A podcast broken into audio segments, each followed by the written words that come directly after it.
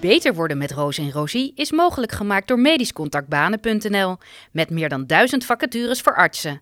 Medisch Contact Banen is onderdeel van Gezondheidszorgbanen, het portaal voor werving van zorgpersoneel.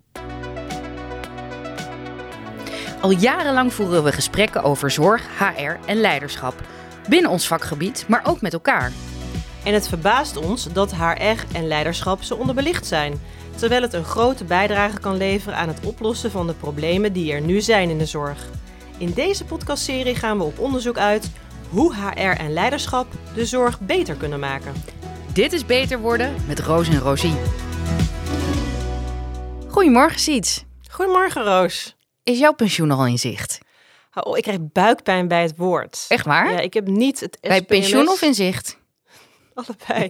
Nee, we hebben, we hebben al eerder over gehad dat ik eh, graag tien jaar jonger was geweest met alle kennis en ervaring van nu. Ja.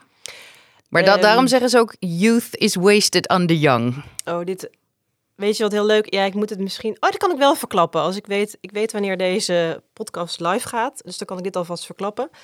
Dertigers denken. hey, ik, ben, ik heb het veel beter voor elkaar nu dan toen ik twintig was. Ik voel me gelukkiger, ik ben op mijn hoogtepunt. Veertigers denken.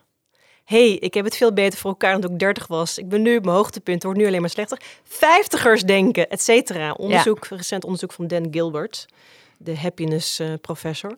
Dus ehm, ja, neem maar bij het woord pensioen krijg ik echt buikpijn. Ehm, ik wil vooral zorgen dat mijn skills zodanig ontwikkeld blijven dat ik gewoon heel lang kan werken. Want ik denk gewoon ook dat ik niet iemand ben voor achter de geraniums. Oké, dus je krijgt niet zozeer buikpijn omdat je denkt, oh, ik heb een enorm pensioen gehad en, en er is nog niks geregeld. Het is meer, je wilt Ja, dat- niet stoppen met werken. Nou, en en. Ik, eh, ja, daar, daar, En ik- jij? en ik, ja. ehm, nou, ik zou niet graag met pensioen willen, eh, maar gewoon omdat ik het een beetje een vies woord vind. Ehm, omdat je het inderdaad Want de associatie. Nee, want je associeert het natuurlijk wel een beetje met Nordic walking stokken en een e-bike. Maar ja, aan de andere kant zou ik wel heel graag de financiële ruimte willen hebben om niet meer te moeten werken. Ja, ja, ja, ja. En ik denk dat dat, ja. ja, ik denk dat. Maar dan is het ook een vrijheid om allerlei dingen te doen die ik graag nog wil doen. Ik noem even reizen of ehm ja, heb boot kopen. Nou ja, weet je wat het is? Als je in HR werkt, en misschien geldt dat voor meerdere eh, afdelingen hoor, maar ik, eh, ik, ik, maar ik percipieer het nu even van, vanuit mezelf. Als je in de HR werkt, zie je natuurlijk zoveel mensen voorbij komen Mhm. in die laatste fase van hun carrière. En het, is, het ziet er, mm, ja, net zoals artsen Mhm. mensen in de laatste fase van hun leven zien, wat, waarvan je ook kan denken, oeh, Ja, op een heel moet- ander niveau. Oh, zo. Mensen die eh, op een sterfbed. Nou ja, bijvoorbeeld, of met, inderdaad met gebreken, maar ook in, in, vaak in die laatste fase van werk. Ik heb het idee dat als je werkt omdat je moet werken, en Mhm. laten we eerlijk zijn, dat moeten de meeste mensen gewoon. Mhm. Als je moet werken om zeg maar je pensioenleeftijd te halen om financieel rond te kunnen komen, dat er vaak toch allerlei gebreken bij komen kijken. In de zin van mensen willen niet meer. Mhm. Veel ziekte, Tegen uitval. meug, ja. Ja, weinig engagement Mhm. cynisme. En dat is wat ik niet zou willen. Maar dan is, ben jij van PZ voor de duurzame inzetbaarheid. Ja, toch? precies. Los het op. Ik vind mijn werk niet leuk. De ja. BMW-fabriek van 50-plussers hadden we eerder precies. besproken. Inderdaad. Maar Nee, het is wel vaak van ja, ik vind mijn werk niet meer leuk. Ik heb letterlijk een keer gehad dat iemand tegen mij zei. Die werkt, die was nog niet zo oud hoor, maar die werkte wel al 25 jaar voor het eh, bedrijf. Die was denk ik op de 20ste, 25ste begonnen. Die ze was tegen de 50 of iets ouder dan 50. Dus echt nog wel met een, met een lange weg te Mhm. gaan. En die zei van, ja, weet je, het bedrijf en ik zijn gewoon uit elkaar gegroeid. Mm. Ehm, dus ik denk ja, dat we maar beter uit elkaar kunnen gaan. Dan zeg ik, nou prima, eh, dan kun je opzeggen. Nee, ik, wil ehm, een vergoeding. En niet, zo, Oh ja. en niet zomaar vergoeding, maar de kantonrechtersvergoeding. Dus ik wil graag 275.000 euro mee. Weet je, dus daar zit een, er zit een heel gek verwachtingspatroon. Ja, want wat is een normale ontslagvergoeding? Krijg je normaal een half jaar mee? Of wat is... eh, Ja, dat ligt er een beetje aan. Eh, Je hebt een transitievergoeding, zoals dat Oh dan ja, nu heet. ja. Vroeger was het de kantonrechtersformule. Mhm. En dat was dan zeg maar een maand per gewerkt Oh, dat, ja. eh, ja. jaar. En dan zat er ook nog een staffel in dat je op een gegeven moment boven de 50 kreeg je anderhalve, boven de 45 kreeg je geloof ik anderhalve maand, boven Mhm. de 50 twee maanden. Dus dat kon enorm oplopen. Nu heb je de transitievergoeding en dat is ook zo'nzelfde ABC-formule waarin Mhm. A het aantal dienstjaren is, B het bedrag, het salaris en C een, een bepaalde correctiefactor eh, kan zijn. Dus bijvoorbeeld als er verwijtbaarheid ligt Mhm. bij de werkgever, Ja. gaat die nog eens omhoog. Als Ja. er verwijtbaarheid ligt bij de werknemer, kan die onder de Ja. 1. Ehm, maar die transitievergoeding is gemaximeerd op 75.000 euro. Ongeacht... eh, Dus ja, als, je, als, je, als je twee ton per jaar verdient, mhm. ja, dan, dan zit je daar, dan, Ja. dan is dat gemaximeerd. Maar dan is een half jaar, eh, dan krijg je niet eens een half jaar mee. Maar het- is vaak ook een derde maand salaris in het begin. Dus als jij tien jaar ergens hebt gewerkt, dan eh, krijg jij bijvoorbeeld drie maand salarissen mee. Oh ja. Dus dat is, niet zoveel, dat is niet zoveel meer. Het zijn niet meer die goud omrande regels. Dit is de wet. Mhm. Het interessante van arbeidsrecht is dat je de wet hebt. Mhm. Eh, maar je kan altijd, iets- altijd iets anders afspreken. Ja, je hoort wel eens van cardiothoracaal chirurg krijgt eh, zo- zoveel ton mee. Dat, dat is dan aan aanleiding, daar is een, daar is een rechtszaak aan vooraf gegaan dan. Dat, dat kan. Of gewoon onderhandelingen. ja. En, want dan, dat betekent weer... Ja, dat is... Misschien moeten we het Maar dan moet je, ja, maar dan moet je ook iets ondertekenen waar Precies. je zegt, eh, je houdt je mond. We gaan het hier zeker een keer We over gaan het hebben. over. Heeft, oh, lieve mensen. Ja. Heeft iemand een interessante ontslagcasus? La- Ja. laat het ons weten. Dan Ja, kunnen we het daar, daar kunnen we het over gaan hebben. Nou goed, ik Sietske nee. in elk geval, maar wie, wie Niet biedt? over mijzelf hoor, maar ehm, Eh, wie biedt, dan gaan we dat doen. We gaan het nu over pensioen Yes. hebben. Wat is de titel van de podcast van vandaag? Begin with the end in mind. Dit komt me bekend voor. Oh, ja, Dit is dat- een van de regels van Stephen Covey. de eerste volgens mij, toch? En de eerste is productiviteit. Of is dat... Nee, het begint met en- begin- oh, beginning with the end in mind. Ehm, we gaan het hebben over pensioen. En dat doen we naar aanleiding van een mail die we hebben binnengekregen. Bij voorbaat al excuses voor de late reactie. Maar eh, zoals we al zeiden, zowel Sietske, Sietske als ik krijgen een beetje buikpijn bij pensioen. Eh, ook omdat je snel verzandt in rekenrentes, pensioenfondsen, Stelsels. stelsels. En daar wilden we een beetje weg van blijven. Eh, dus excuus dat we zo lang hiermee hebben gewacht. Maar hij, hij is er dan toch. Ik ga hem even voorlezen. Hi, bedankt voor jullie podcast. Ik heb een hele andere vraag voor jullie. Hoe ga ik op een goede manier met pensioen? Ga ik plotseling stoppen? In mijn huidige werk is het moeilijk om parttime te gaan werken. Is het verstandig om iets anders te zoeken voor een paar jaar? Wat ik zelf zie is dat mensen met pensioen gaan zeggen dat ze van plan zijn terug te komen voor een project of zo, maar dit gebeurt nooit. Ja. Wat is jouw ervaring, eh Siets? Hoe, hoe gaan mensen meestal met pensioen? Het meestal is het vastklampen aan de baan, de werkplek, de werkomgeving, maar ook de identiteit, denk ik, deels voor artsen. En dan eh, vallen ze toch in dat gat, of tenminste, daar hebben ze de angst voor, angst voor het gat. Ehm, ze hebben wel altijd leuke, mooie plannen. En een deel is daar al mee bezig en een deel niet. En ik dat denk zelf, als ik anderen voor hun pensioen zie, vaak, joh, vertrek voordat je wordt weggekeken. Het is grappig dat je dat zegt, want ik zat een podcast te luisteren en dat ging over met pensioen gaan. En toen eh, zat iemand een anekdote te vertellen waar, eh, waarop hij zei van ja, eh, je kan op twee manieren met pensioen gaan. Mhm. En toen zei die man van nou, eh, wat is dan de eerste manier? Ja, gaan voordat je er klaar voor bent. Mhm. En zei, ja, maar dat, dat wil ik helemaal niet. Wat is dan de tweede manier om met pensioen te gaan? Dat je gaat op iemand anders zijn voorwaarden. Ja. En het- dus dat is ja. Ehm, ja, stop op je hoogtepunt. Dat Ja, is, maar dan moet je dus regie. Ja, Ja. hou de regie. Ehm, wat ik eh, voor in mijn leven een enorme daagje eh, is. Maar dat is dus wel interessant.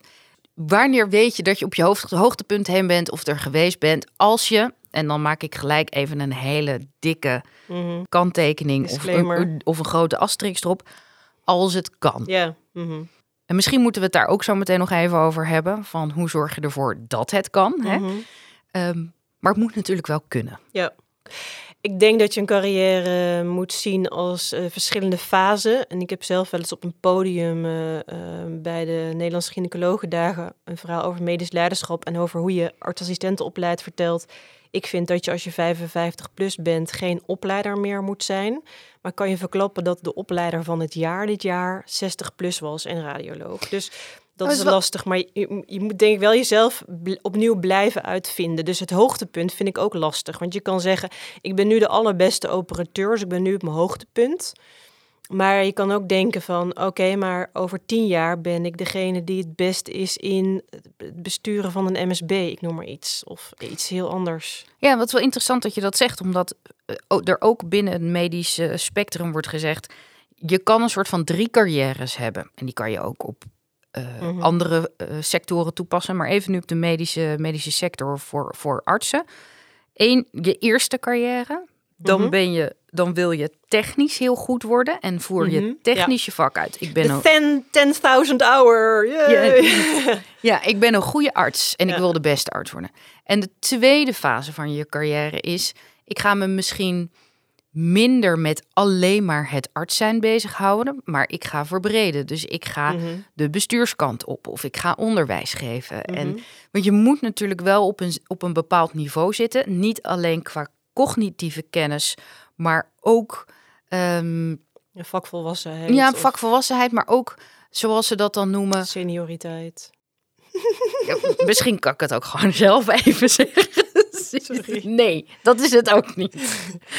het is iets wat ze crystallized knowledge noemen of crystallized intelligence. Dus mhm. de capaciteit om informatie te verwerken op basis van wat je ooit geleerd hebt, op basis van je, van je brein, dus je intellectuele uh, capaciteiten. Wat je aan ervaring mee hebt genomen, jouw uh, capaciteit om bepaalde uh, verbanden te leggen en dingen te interpreteren. Um, dus dat is wat we ervaring, intuïtie, uh, nou ja, alles, alles wat... Een soort backbone van hè, dat crystallize doen we denken aan dat wat daarin zit, doe je als het ware op een gegeven moment op de automatische piloot of dat met minder energie, hè? Want dat kost natuurlijk minder energie dan allerlei nieuwe dingen die je de hele tijd bij moet leren. Ja, precies. Ik, ik heb een, uh, een, een, junior met uh, eh, HR-medewerker met wie ik mhm. veel werk en die ik ook een beetje coach. En dan zit ik haar dingen te vertellen. Dan stelt ze vragen. En dan vertel ik, mhm. nou, dat moet je zo doen. En in dit perspectief zien. En vergeet ook niet daar aan te denken. En dan zit ze mij met grote ogen aan te kijken mhm. van hoe weet jij dat? Oh, ja. Ehm, en dat zal denk ik als medisch specialist niet anders zijn. Mhm. Dat als er een co binnenkomt uh, en die kijkt naar hoe een vakvolwassen arts zegt: Oh, we moeten dit ook niet uitsluiten. Of oh, als ik deze waarde zie, dan zou het ook eventueel dit kunnen uh, zijn in samenhang met die. Omdat iemand die net begint, kan dingen alleen nog maar in isolatie zien. En die kan dan zeggen: van oké, als ik A zie, dan kan dat B, C of D zijn. Uh, en die ziet dat meer in stapjes voor zich. Terwijl als je dus dat crystallized mhm. intelligence zeg maar gebruikt, dan zie je het veel meer in 3D en ruimtelijk om je heen. En dan, en dan kun je dus intuïtief tot een beslissing komen of een inzicht komen, omdat je die ervaring hebt. Maar als er inderdaad waarschijnlijk gevraagd wordt van uh, iets wat uit in, in eerstejaars of tweedejaars uh, studie is. De fysiologie van de nieren. Ja, dan ja. zal die dat niet meer weten. Nee. En het is hetzelfde een beetje als met autorijden. Dus op een gegeven moment gaat dat inderdaad op de automatische, op de automatische piloot. Terwijl als wij nu... Totdat ze voor de domers hier een wegopbreking hebben. Ja, bijvoorbeeld. En ik denk, oh, hoe kom ik nou ooit in de podcaststudio? Precies, precies. Maar dat betekent dus ook dat als wij waarschijnlijk nu zouden moeten afrijden... Oei, uh, dat spiegelen. Ja, dat het misschien wel een beetje lastig zou worden, omdat je dingen ook heel erg intuïtief dat doet. gewoon theoretisch. Uh, ja, precies. Ja. De verkeersborden. Mag dat? Om die nog maar eens terug te laten komen. Ja. Dus je ziet dat, om even terug te komen op jouw opmerking van je vindt dat opleiders niet ouder mogen zijn dan, dan, dan 55. ja. De algehele tendens is juist dat mensen zeggen van je moet eerst vakvolwassen worden mhm. en ervaring krijgen en uiteindelijk meer een mentor en een teaching uh, een, uh, rol op je mhm. nemen. En dat komt meestal pas later in je carrière. Mhm. Hoe verhouden hoe rijm je dat? Ja, nou ja, of hoe rijm je, maar hoe verhouden die twee zich tot elkaar? Waarom ik die opmerking toen plaatste is omdat wat je vaak ziet is dat mensen soort van aan het wachten zijn tot ze aan de beurt zijn. Dus niet zozeer van uh, ik ben super uh, uh, geschikt als opleider, maar als diegene ermee stopt, ben ik aan de beurt. Even los van, maar goed, dan krijg je ook een beetje dat Peters principle, hè? you rise to the level of incompetence. Mm -hmm. Afdelingshoofden die heel goede professoren zijn, maar eigenlijk geen afdeling kunnen leiden. Uh, dus dat, daar was die opmerking uit geboren. Plus het ook niet los kunnen laten. Dus je hebt vervolgens ook mensen die opleider blijven tot aan hun pensioen. Uh, en en dat, dat zie je toch wel regelmatig. Dat uh, met name in bepaalde specialismen zie je dat.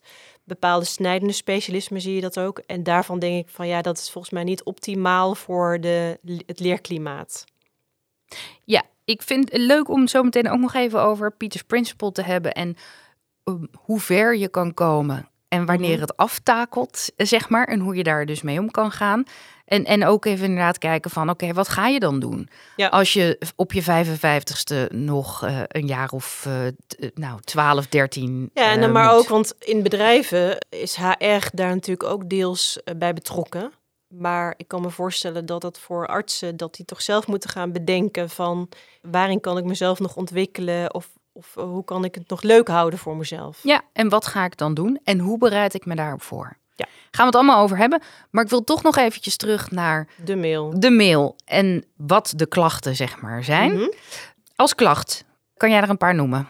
Ik weet niet goed hoe ik met de komst van mijn pensioen om moet gaan. Of hoe bereid ik me voor... Ja, eigenlijk uh, angst voor het zwarte gat. Nou ja, of ik weet niet. Het is meer een vraag van ik weet niet hoe ik me voor moet bereiden ja. op mijn pensioen. Hè? Dat is, het is meer een soort van niet weten dan echt een klacht. Uh, ja. uh, en dan even hebben. over het niet-financiële deel. Ja, ja precies. Hoe je als mens. ja. En de diagnose is dan dat artsen niet goed worden voorbereid op het pensioen en Mm -hmm. hoe dat aan te pakken. Ja. Het behandelplan. De behandelplan. Het, beha het behandelplan. Nou, multidisciplinair overleg. Oké, okay, dus Siets, we hebben een aantal punten hebben we eigenlijk al benoemd. Hè? Dus hoe ga je ermee om als je vakvolwassen bent en hoe houd je het leuk? En hoe kun je je voorbereiden op het moment, de dag die je wist die zou, dat zou komen? Wat was de mooiste zin Super uit, nummer. de mooiste zin uit de Nederland, Nederlandse songtekst. Um, om even te beginnen bij het einde. Begin with, the end in mind. Ja. Ja, we weten allemaal dat we op een gegeven moment stoppen met werken. Eerder of later. Ja, en je hebt ook mensen uh, die zeggen, ik moet nog zo lang. Hè? Ja. Ja, nee, ik, heb je, ik heb je verteld toch? Van die kennis, die kennis van mij die een app op zijn telefoon heeft is staan. Is het al vrijdag? Nee, is het al, uh, ja. En nee, die echt een app op zijn telefoon heeft staan. Hoeveel dagen die nog moet werken tot aan zijn pensioen. Dagen zelfs, ja. ja. En um, ik hoop daar nooit te Ik denk komen. dan heel vaak, joh, je mag van mij, uh, daar is het gat van de deur, de hartelijke groeten. Dat is vaak ook zo. En dat denk ik ook. Ik heb ze inderdaad vaak zat aan mijn bureau gehad. Mm -hmm. Maar dat willen ze dan niet, want ze moeten, ze moeten, zeg maar. En dat zie je ook vaak, en dat is misschien toch heel even mm -hmm. over de pensioenfondsen. Wat je vaak ziet, is dat um, de, De pensioen, opbouw, ja, ja. de opbouw van je pensioen in die laatste jaren procentueel gewoon heel hoog is. Mm -hmm. En daarmee snij je jezelf dus in je vingers als je eerder stopt met werken. Ja. En wat je ook ziet, is dat de overheid maatregelen heeft genomen om de VUT en, en vroegpensioen, om Mhm. dat tegen te werken. Dus uh, bijvoorbeeld als je toch weggaat met een pakket Mhm. tegen je pensioenleeftijd aan, Mhm. dan uh, kan dat gezien worden als verkapt pensioen. En daar wordt uh, niet zo uh, coulant mee omgegaan. Hetzelfde geldt bijvoorbeeld voor. Ik heb in fabrieken gewerkt waar mensen in ploegendienst werkten en heel veel vakantiedagen opbouwden en ATV-dagen.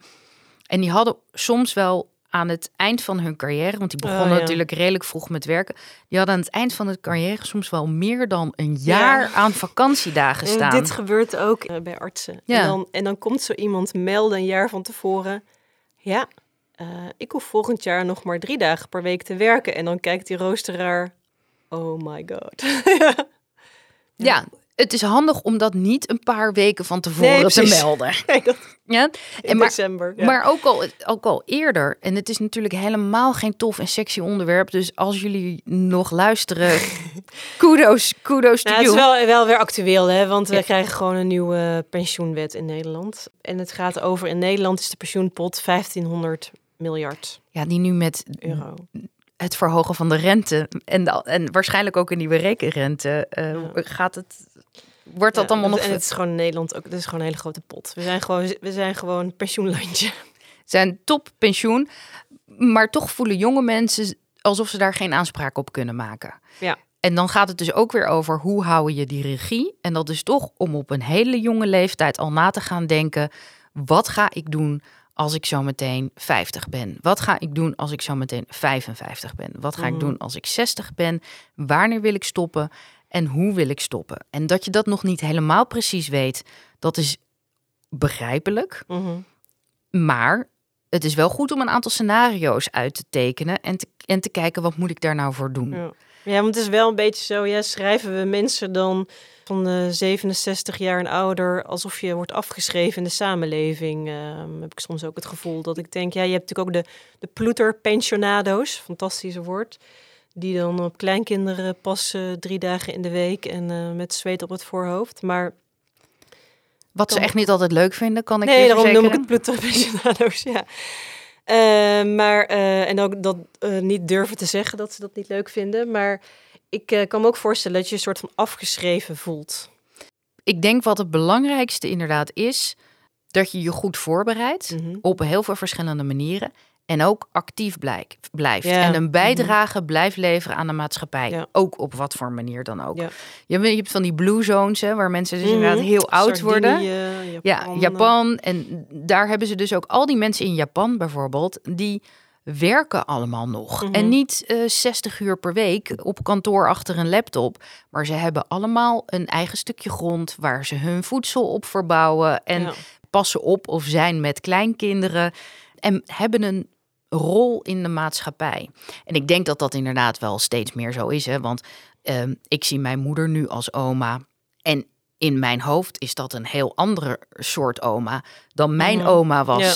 Met zo'n blauwe jurk en met een riempje eromheen Mhm. en, een, en een watergolf. Weet je? Ja, dus ja. dat, dat ziet er heel anders uit dan ehm, opa's en oma's die hun kleinkinderen Mhm. meenemen naar eh, Euro Disney of inderdaad lekker oppassen en, en leuke dingen doen.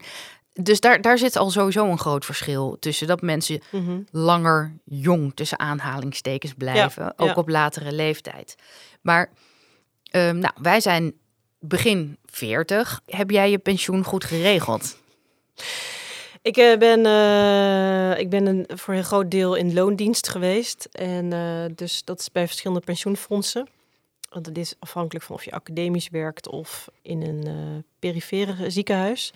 En daarna ben ik eh, freelancer geweest. Dus dan heb je het verplichte pensioen van de vrijgevestigde medisch specialisten, het SPMS. Daar is heel veel reuring geweest een paar jaar geleden. Eh, met name ook onder de jongere generatie. Ook omdat die premie ieder jaar steeg. En moet je je voorstellen dat die premie dan de afgelopen jaren per jaar 10% is gestegen. Ik begreep van, vanuit een column van Danka Stuiver dat er bij de huisartsen ook heel veel om te doen is. Die hebben ook een verplicht pensioenfonds. Waarbij jonge huisartsen het gevoel hebben van ja, ik heb liever stort ik dit geld niet nu daarin, maar op een later moment. Dus daar is best wel veel over te doen. Of ik het goed geregeld heb, weet ik niet. Maar ik ben, ik ben misschien wel van die school die, ook omdat ik weet dat je cognitief achteruit rolt als je niks meer doet. eh, gewoon aan de gang eh, wil blijven, op wat manier dan ook. Dus eh, veel meer bezig ben met hoe zorg ik dat ik een duurzame carrière heb. En dat is goed, hè? En ik, maar ik denk wel dat het een beetje communicerende vaten zijn. Mhm. Dus wat is een duurzame carrière? En hoe regel ik het toch financieel eh, Ja, want ook dat moet je je kunnen permitteren. Hè? En Precies. ik zit natuurlijk nu, uitgaand dat ik 90 word, dan zit ik nu in de midlife crisis. Maar goed, dat is wel een moment waarop je denkt van oké, want jij zegt van wanneer wil ik stoppen? Ja, dan zag ik oh, in, het SPMS-blaadje zag ik van de week ehm, eh, een van de consulenten zeggen: Ja, ik hoor, ik spreek jonge artsen van eind 30 die met hun 55ste willen stoppen. Nou, ik kan je verklappen, als die mensen 55 zijn, willen ze echt niet stoppen. Dat geloof ik gewoon niet. Kan wel zijn dat ze dat nu zeggen. Maar je bent hartstikke jong als je 55 bent. Zeker, zeker nu, want mensen worden nou eenmaal ouder en gezonder ouder. Hè? Dat eh, dus ik, ik denk dat, eh, dat het veel meer moeten kijken van hoe kunnen we zorgen dat ook mensen duurzamer, langer inzetbaar zijn en op wat voor manier. En, op, en daar net zoveel waarde aan hechten. Ja, en dan komt toch weer dat hele financiële plaatje weer in beeld. Want we hadden het net even over de eerste carrière, goede Mhm. arts. Tweede carrière, meer een bestuursrol of opleider of iets in ieder geval meer in de breedte en op je, je op een andere manier ontwikkelen. En er werd ook gesproken over een derde carrière. Mhm. En dat is meer dat je jezelf inzet in de maatschappij voor Mhm. een breder en hoger doel. Dus dat Ja. kunnen zijn stichtingsbesturen. eh, dus dat je ook meer een soort van advocacy-rol Mhm. op je neemt. Ehm, en die rollen, hoewel super interessant en heel erg bevredigend. Ja, zeker. eh, Ja. Zowel, denk ik, intellectueel als persoonlijk. Leveren niet zoveel op. Financieel niet. Ja. Nee, nee. Dus- nee, maar ja, dan denk ik inderdaad. Ja, het levert je wel op een andere manier meer op. Ja, dan krijgen we de discussie: eh, wat is geld waard en wat is je gelukkig voelen waard? Nou, ja. en daarom zou mijn advies ook zijn: zorg ervoor dat je in die eerste twee carrières, dus Mhm. als goede arts en wellicht als bestuurder of een andere eh, rol, zorg dat je die financiële zekerheid opbouwt Mhm. voor later. Mhm.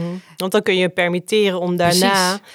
Iets te doen waar, waarvan ik zeker weet dat je er gelukkig van wordt, Ja. inderdaad. Want wat ik ook zie, ik heb ook wel eens iemand met pensioen zien gaan waarvan ik dacht, jemig, maar die neemt zoveel kennis mee, Ja. wat anderen niet hebben. Eh, soms zie je ook daadwerkelijk dat een probleem is. Hè? Bijvoorbeeld bij de kinderhartchirurgie eh, hadden ze ineens bedacht van, oh shit, als hij met pensioen gaat, dan hebben we die kennis niet meer en die is niet helemaal goed overgedragen of niet aan voldoende mensen overgedragen. En dat heb ik ook wel zien gebeuren. Ik dacht van deze man moet eigenlijk, als hij met pensioen gaat, een soort roadshow gaan houden. Ja, En gewoon alle opleidingsklinieken langs om daarover eh, eh, zijn expertise, wat we sub, sub-expertise binnen de radiologie, te gaan vertellen. Want Ja. dat is gewoon zonde.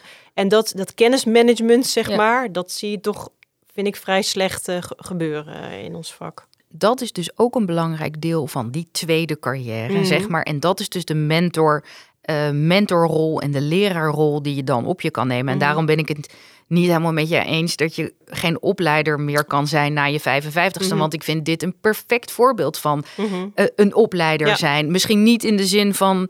eh, De opleider. De opleider zijn. Nee. Maar dit, dit is precies wat er bedoeld wordt Ja. met mentorschap Ja. en En kennisoverdracht. sponsorship ook, hè? Want die mensen hebben enorme netwerken. Ja, Waar heel veel mensen weer profijt van kunnen hebben. En eh, ja, is alleen maar Ja. leuk natuurlijk om mensen te verbinden. Ja, en ik denk ook heel sec dat je gewoon een aantal dingen op papier moet zetten en kijken van wat wil ik en wat heb ik nodig. Financieel plan. Financieel plan, maar ook inderdaad een intellectueel plan of een Mhm. carrièreplan. Wat jij zegt van je, je holt achteruit. Ja. Dat kan ook als je in dienst bent of als je nog Ja. steeds werkzaam bent. Als je Niet eh, Precies, als je niet meer creatief Mhm. bent, als je niet meer jezelf uitdaagt. Dat kan ook al zijn omdat je elke dag dezelfde weg naar, eh, Ja. naar werk neemt. Weet je, dat, dat is niet Dat is zo grappig. Ik was met mijn kinderen naar huis aan het fietsen. Ergens vandaan. En toen zei, ehm, zei mijn zoon... Ja, mama, Senna die neemt de laatste tijd bij ons in de wijk... een andere route naar huis. Ik zei, dat is hartstikke goed. Dus uitgelegd inderdaad. Zo simpel kan het zijn. Ja. Maar dat is gewoon goed voor je, voor je hersenen. Dat is goed voor je hersenen. En die moet je blijven, blijven uitdagen. Mhm. En ik denk wel, kijk, ik ben het denk ik het meest slechte voorbeeld van pensioenplannen. Of misschien het meest goede voorbeeld over hoe je het niet moet doen. Maar ik heb natuurlijk heel lang gestudeerd. Dus ik heb een enorm pensioen gehad. Eh, dat interesseert je weinig als je 26 bent. Maar ik merk wel dat ik nu ik 42 ben, daar heel anders over denk. Oh ja. En dat, dat je een beetje, Ja, maar als je, als je bedoel... Ik, ik was pas dokter op mijn 25ste. ja, nou ja, ik was pas jurist op mijn dertigste. Dus Ja. wat dat betreft. Maar dat zijn de jaren, als je het heel eh, droog bekijkt, tot je 35ste ben je bezig om vakvolwassen te worden of arts te worden, om heel erg in dat eerste deel eh, te zitten. Zorgen Mhm. dat je dat eerste deel hebt. En qua financiën ben je dan voornamelijk ook bezig door te kijken met. eh, qua financiën ben je ook vooral bezig met aflossen van studieschulden. Nee, daarom. Want je hebt nog geen verantwoordelijkheid wat betreft... eh, Kopen eh, eerste kinderen, huis. huis ehm, ja. Maar ik denk wel dat financieel gezien, denk ik ook zeker bij artsen die daarna vrij stijl omhoog gaan. eh, en daarna wat meer uitplateauen, om het eh, Mhm. even in mooi Nederlands te zeggen. Is dat in de jaren tussen je 35ste en je 55ste Mhm. het wel een beetje moet gebeuren. Mhm. Eh, en dat is niet om er druk op te leggen, maar dat gaat je uiteindelijk veel vrijheid geven. Mhm. Ehm, en ik wil niet een enorme focus op het geld leggen van je moet verdienen en je moet financieel onafhankelijk zijn. Maar als Ja, je, je hebt een hele podcast over, juist van eh, jonge millennials, hele podcast over passief inkomen, toch? Die zijn daar heel erg mee bezig. Ja, heb de- het de- idee. de Kevins van deze wereld. Met een kooltrui en een jasje eroverheen. De, de vraag is inderdaad, als je arts bent, hebben nog altijd wel een beetje de overeenstemming dat artsen ehm, gekozen hebben voor hun vak en daar vol passie tegenaan Het kijken. is En een roeping, Roos. Het is een roeping. ja, en het he- in, los van alle problemen die erbij komen kijken, het heel erg leuk vinden om hun vak uit te oefenen.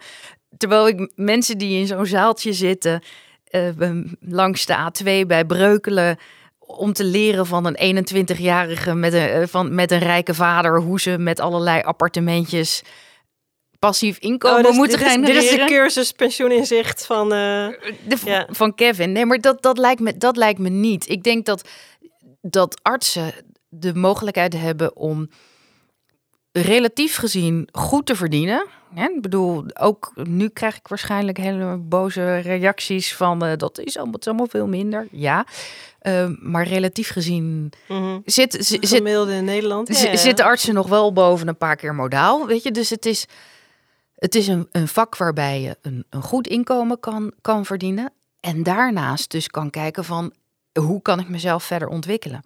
En heb ik die ruimte om op een gegeven moment te zeggen... joh, ik ben 55, ik ga misschien niet stoppen met werken... maar ik ga het anders doen. En dan zijn er hartstikke veel mogelijkheden. Dus je kan bijvoorbeeld kijken van... kan ik inderdaad parttime gaan werken? Kan ik een duobaan met iemand gaan doen? Dit Ja, is een want, enorme eh, jaren tachtig oplossing.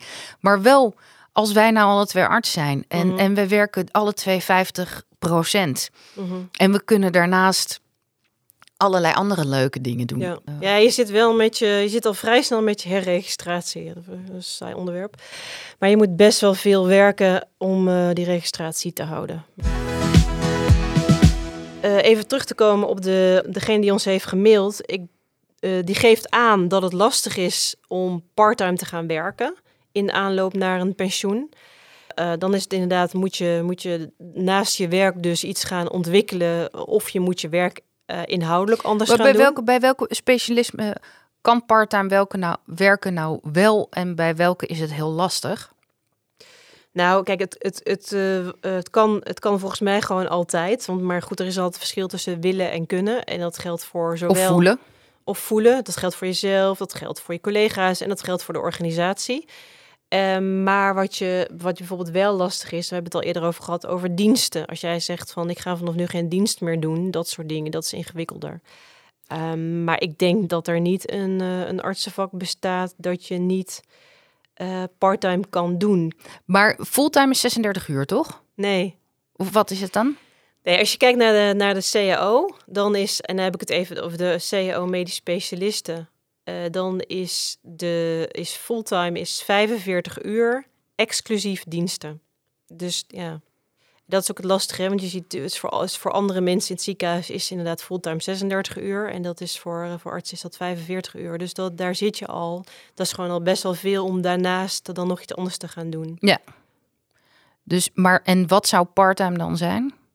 Ja, dit is, dit is fulltime, 45 uur. Maar ik hoorde laatst iemand zeggen van ja, ik ben waarnemend huisarts en ik werk als parttime 44 uur per week. En die werd geïnterviewd. Toen zei de journalist, huh? 44 uur? Dat is toch geen parttime? Eh ja, jawel. Dus parttime eh, is 44 uur inclusief diensten per week voor mij als waarnemend huisarts. Dus ja, dan kan ik me voorstellen dat je daarnaast niet nog tijd over hebt, eh, ook bij de parttime optie. Eh, of je maakt hele lange dagen, dat is vaak zo. Om heel Maar- veel energie van, ik ga daar nog eens een eh, soort side hustle naast ontwikkelen. Ja, maar parttime is dan 50% Want anders dan, als je het inderdaad wat rustiger aan wil gaan doen... Ja. ja, dan kom je al, als je eh, precies echt bij het afbouwen bedoel je. Ja. ja. Even praktisch. We hebben een aantal dingen genoemd. Hè? Dus een paar uitgangspunten. Het is belangrijk om actief te blijven. Het is belangrijk om goed na te denken over waar wil ik zijn en hoe wil ik mijn carrière invullen. Mhm. Het is belangrijk om te zorgen dat je daar ook de financiële middelen voor hebt. Laten we eens even kijken welke, welke praktische handvatten kunnen we nou bieden om iemand het pensioen in te laten rollen. In plaats van dat het een vrije val is. Nou ja, ik zou meteen terugkaatsen van eh, eh, hoe pak jij dat aan vanuit jouw rol van, eh, vanuit HR? Want jij komt deze mensen regelmatig tegen. Ja hoor, tuurlijk. En op verschillende manieren. Mhm. Dus je hebt mensen die inderdaad heel enthousiast doorwerken. Echt nog één keer iets heel gaafs willen neerzetten. En dan heel blij stoppen op hun Mhm. pensioenleeftijd. Er zijn mensen die inderdaad op hun eh, zestigste zeggen van... eh, laat mij het maar wat rustiger aandoen en ik ga een project doen. En die faseren dat uit. En er zijn mensen die inderdaad eh, met echt op Mhm. hun tandvlees de eindstreep halen of niet. En dan in een, ja, in een burn-out Mhm. situatie of, of uiteindelijk ziek, ziek uit dienst gaan. Weet je, die mensen zitten daar zelf ook niet op te wachten natuurlijk. Maar het is wel, het is wel heel erg zonde als zoiets gebeurt. Weet je, zo wil je, je eigenlijk je Nee, je carrière ziet- natuurlijk niet Je eindigen. ziet sowieso wel ouderdom komt met gebreken. Hè? Dus je ziet sowieso in die leeftijdscategorie dat er ook meer eh, pathologie eh, Ja, ontstaat. ik denk dat als we, wij hebben natuurlijk heel vaak over persoonlijk leiderschap. Ik denk dat er een groot deel persoonlijk leiderschap bij komt kijken om oké te zijn met het gegeven dat het allemaal wat minder wordt. Mhm. En er oké mee te zijn dat het enthousiasme waarmee je 60 uur per week werkte, ergens in je twintiger en dertiger jaren eh, lag, maar niet meer als je 58 bent. Mhm. En daar oké mee zijn en dat ook oké vinden.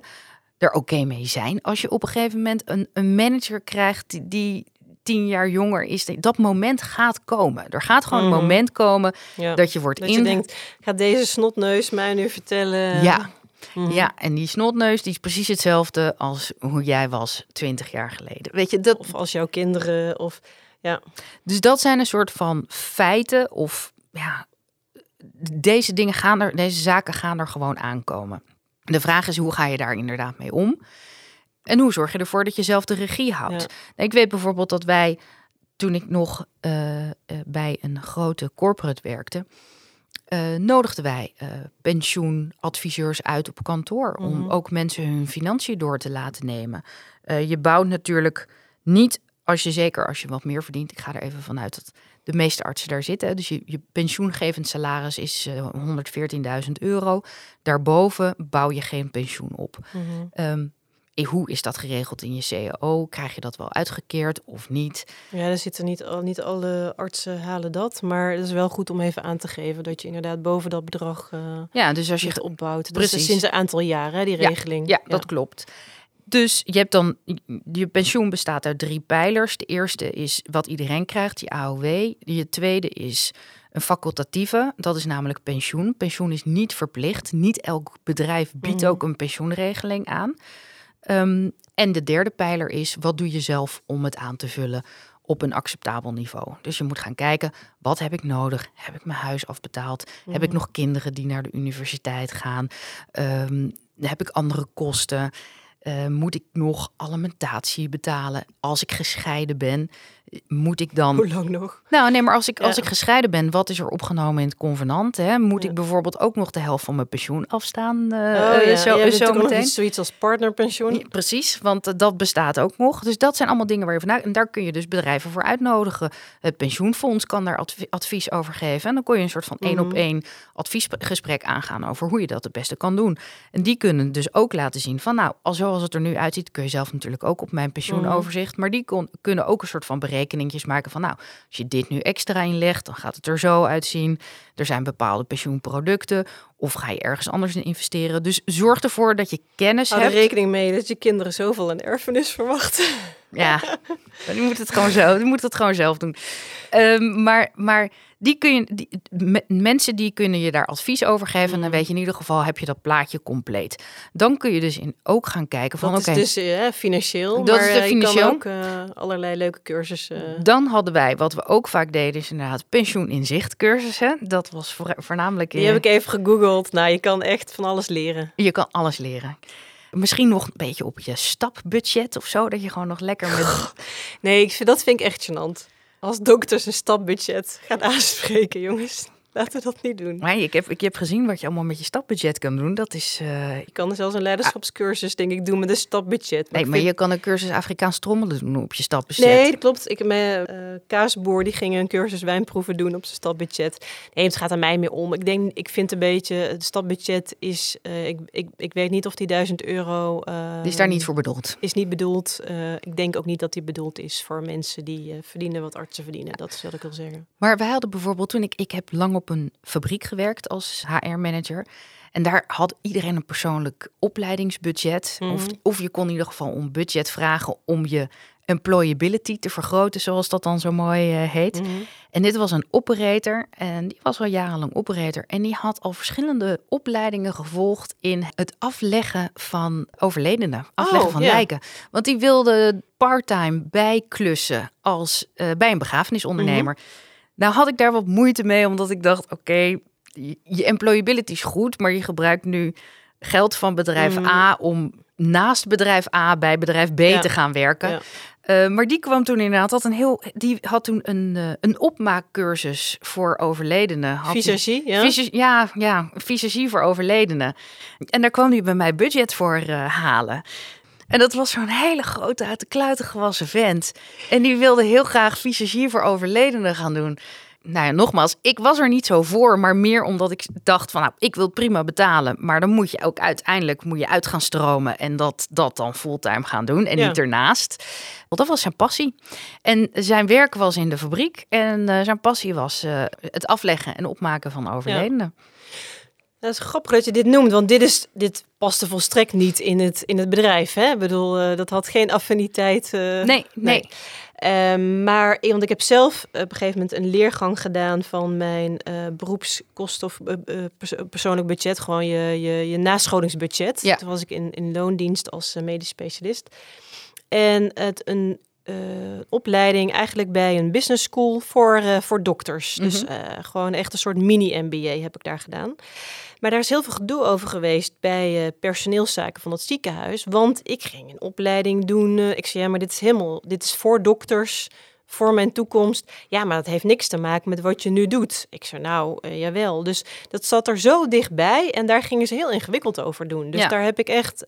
Um, en, dan, en ook, wel ook wel de, de radiologen die vonden, dachten van ja, maar dit kan, dit kan toch niet? Uh, jawel, die, dit kan wel. Dus het kan best wel zijn dat luisteraars die uh, met een totaal ander plan komen, uh, ja, tegen een, een muur aan gaan lopen binnen nou, de organisatie. Nou, dat kan, maar de vraag is ook, wat, waar vraag je budget voor en wat doe je zelf? Hè? Mm. Ik vind wel dat als het iets is, um, of je moet de afspraak maken. Ja, of tijd investeren. Ja. Of, ja. Uh, je kan ook een afspraak maken. Bijvoorbeeld als ik zag dat mensen niet lekker in hun functie zaten en het echt een risico was dat mensen uit gingen mm -hmm. vallen. Als zij dan zeiden van, ik vind mijn werk niet meer leuk. Even het voorbeeld. Mm. We zijn uit elkaar gegroeid. Mm. En ik weet niet wat ik moet gaan doen. Maar ik denk dat ik heel graag, nou ja, inderdaad een kaasboer uh, wil, wil gaan worden. Ja. Kunnen we een deal maken dat ik nu uh, drie maanden op uh, kosten van de, het bedrijf daar die opleiding ga doen en dan uitstroom? waarom niet? Ja. Ik geef liever iemand. Ja, maar dat is meer inderdaad choose your battles. Plus uh, kijk naar de lange termijn effect of gevolg van de andere situatie. Ja, de bestaande situatie. Nou ja, als ik moet kiezen tussen of iemand 75.000 euro meegeven, mm -hmm. even eh, ja, als, als, het, als, als het daar naartoe zou komen, of iemand 75.000 euro meegeven, of iemand voor de helft van dat bedrag een nieuwe kans in een nieuwe mm -hmm. start geven, ja, dan kies ik natuurlijk altijd voor dat laatste. Ja. Ja, dit plus, wat ik me toen ook bedacht was van je leidt voor elkaar op. Hè? Dus je krijgt vanzelf krijg je een zietscorrosie uit een ander ziekenhuis die zo'n mini-MBA heeft gedaan en die bij jou in de vakgroep komt werken en heb je er weer profijt van wat vaak de mentaliteit is, wie ik ook vaak heb gehoord vanuit, vanuit inderdaad bedrijven, was vooral in de fabrieken. Dan werd er gezegd, we leiden niet op voor de buurman. Weet je, dat, ja, dat was het stuk. We leiden niet op voor de buurman. dat heb ik ook gehoord, ja. En dan zeg ik, ik vind dat prima, zolang de buurman maar voor mij opleidt. En, en dan hou je dat systeem in hand. Want ik heb liever iemand die na uh, eh, 15 jaar of na 10 jaar, of wat mij betreft na 5 jaar blij weggaat mhm. en iets anders gaat doen. En ik daar weer een blije nieuwe kandidaat voor terugkrijg. Dan dat ik een vorm hebt die de kantjes ervan afloopt en er eigenlijk helemaal geen zin meer in heeft. Ja. Plus je hebt er als hele maatschappij niks aan als er allerlei mensen helemaal uitgeput thuis uh, gedemotiveerd zitten. Hè? Nee, precies. Dus dat is even, wat kun je doen aan opleidingen, wat kun je ernaast ja, gaan doen? Maar die, want die, eh, die cursus, ja, ik heb gegoogeld. Nou, je kan een cursus vissen, je kan een cursus koken, je kan een cursus. Nou, golf is natuurlijk echt weer zo'n klassiek. Maar goed, ik, ik, ik kwam van alles tegen. Maar heel even alle gekheid op een stokje wat is nou reëel ook voor degene die ons om hulp heeft gevraagd? Kijk, een pensioen in zicht gaat erom dat je dus niet in dat zwarte gat valt. Mhm. En er zijn honderdduizend mensen die met pensioen gaan die daar helemaal geen last van hebben. Want die hebben gewoon hobby's en een heel rijk leven en die kunnen dat gewoon gaan doen. Wat vaak ook bij die pensioen in zicht uh, op, opleiding of cursussen uh, zitten, niet onbelangrijk, is ook iets voor de partner. Oh, ja. Want vaak zit een partner, even in het ouderwetse Mhm. wereldje, de vrouw zit, heeft, gaat eigenlijk altijd haar eigen gang en heeft haar eigen, eigen.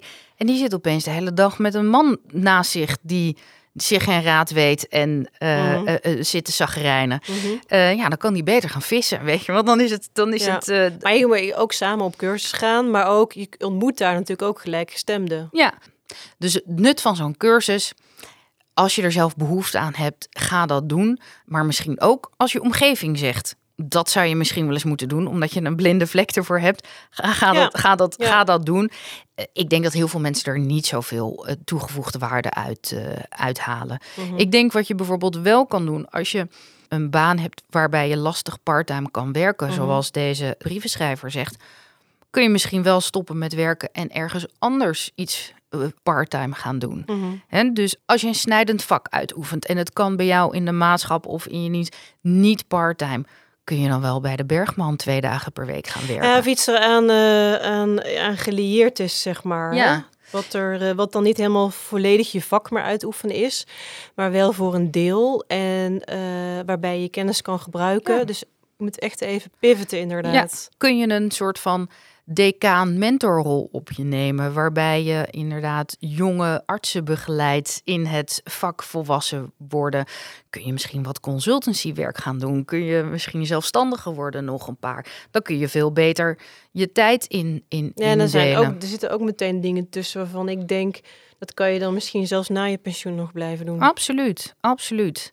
Ik ben heel vaak, eh, nou, bij een oogarts geweest, niet in het ziekenhuis, maar s'avonds in zijn garage, waar die een, een hele, Wij willen hier alles waar, ja, dus Nee, maar kijk, maar, de, in, maar in ZBC's werken ook gepensioneerde eh, urologen die eh, mannen steriliseren. En in, weet je dat, ja, dat is gewoon, ja. Ik, maar ik denk ook dat het gezond is, nogmaals, dat het gezonder is dan om thuis achter de geraniums te gaan zitten. Ik denk dat we daar als maatschappij eh, dat sowieso Ja. niet moeten willen. nee, dus als ik, Participatie moet blijven. dus als ik in mijn huidige, bij mijn huidige werkgever of in de huidige constellatie Ja. niet parttime kan wel- werken en ik wil dat wel, hè, dat is natuurlijk wel een voorwaarde.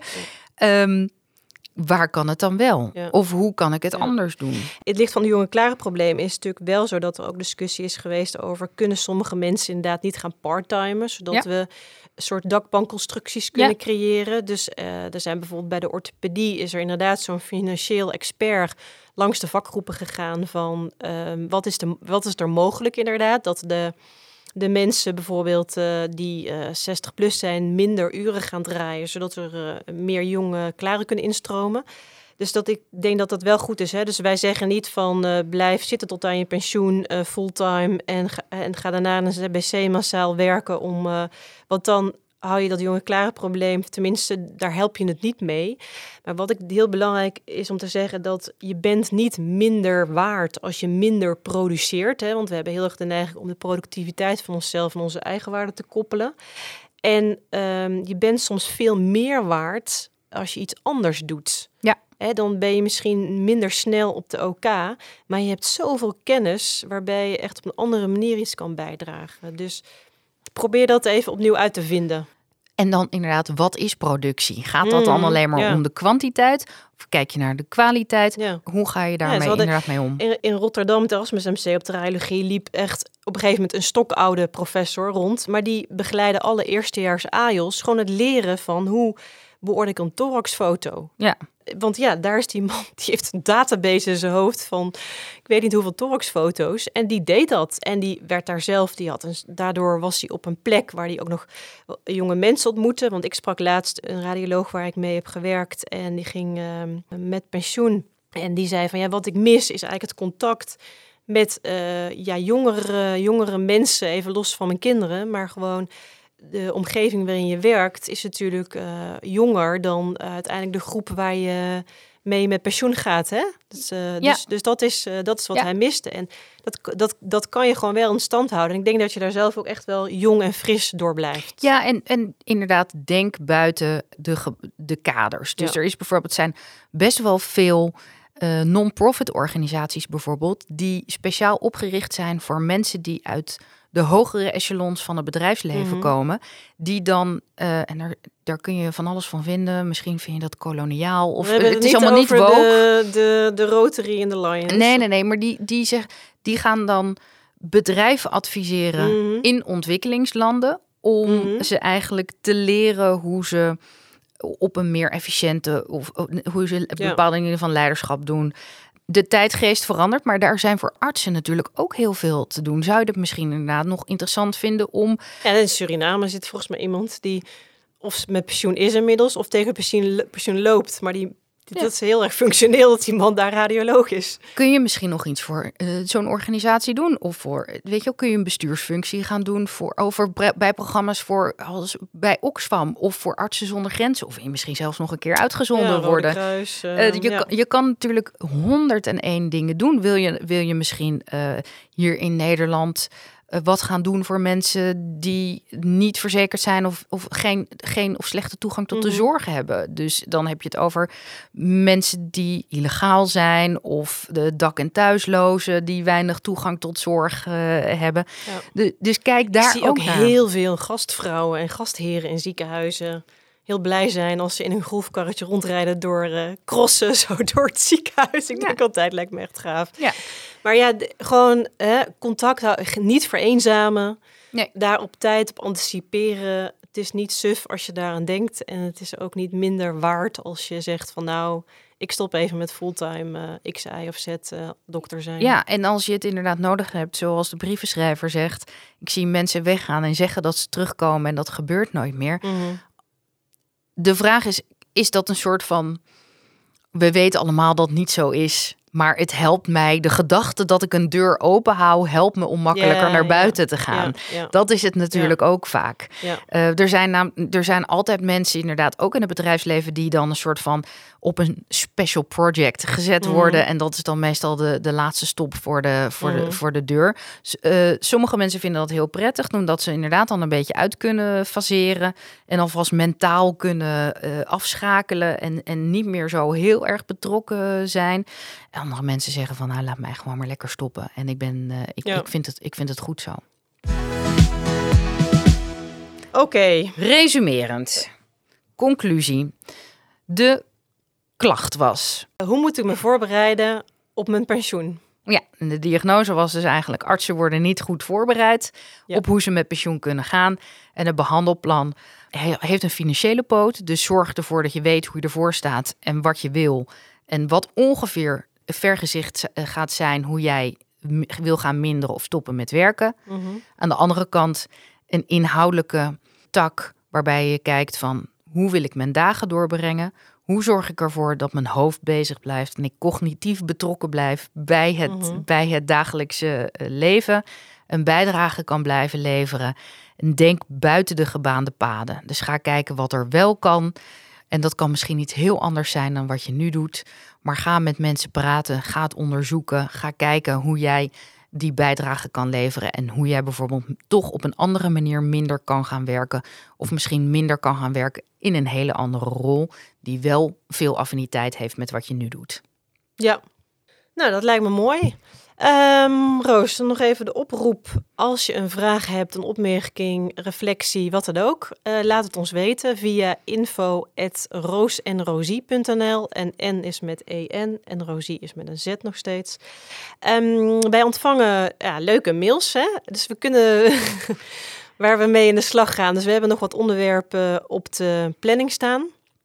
Ja, ik heb trouwens overigens mijn eerste LinkedIn-verzoeken van HR-medewerkers van Oh, ziekenhuizen ontvangen. Dus eh, hartstikke leuk. Ja. En, en ook heel fijn dat jullie luisteren. Hebben jullie ook vanuit HR hè, eh, in ziekenhuis, hebben jullie vragen of opmerkingen of casus dat je zegt van ja, we krijgen hier nou elke keer wel een beetje het onderste uit de kan eh, van al die artsen. Maar die artsen kunnen er ook wel wat Ja. van. Ehm, kom erop. Eh, Ja. Dan gaan we het daar ook over hebben.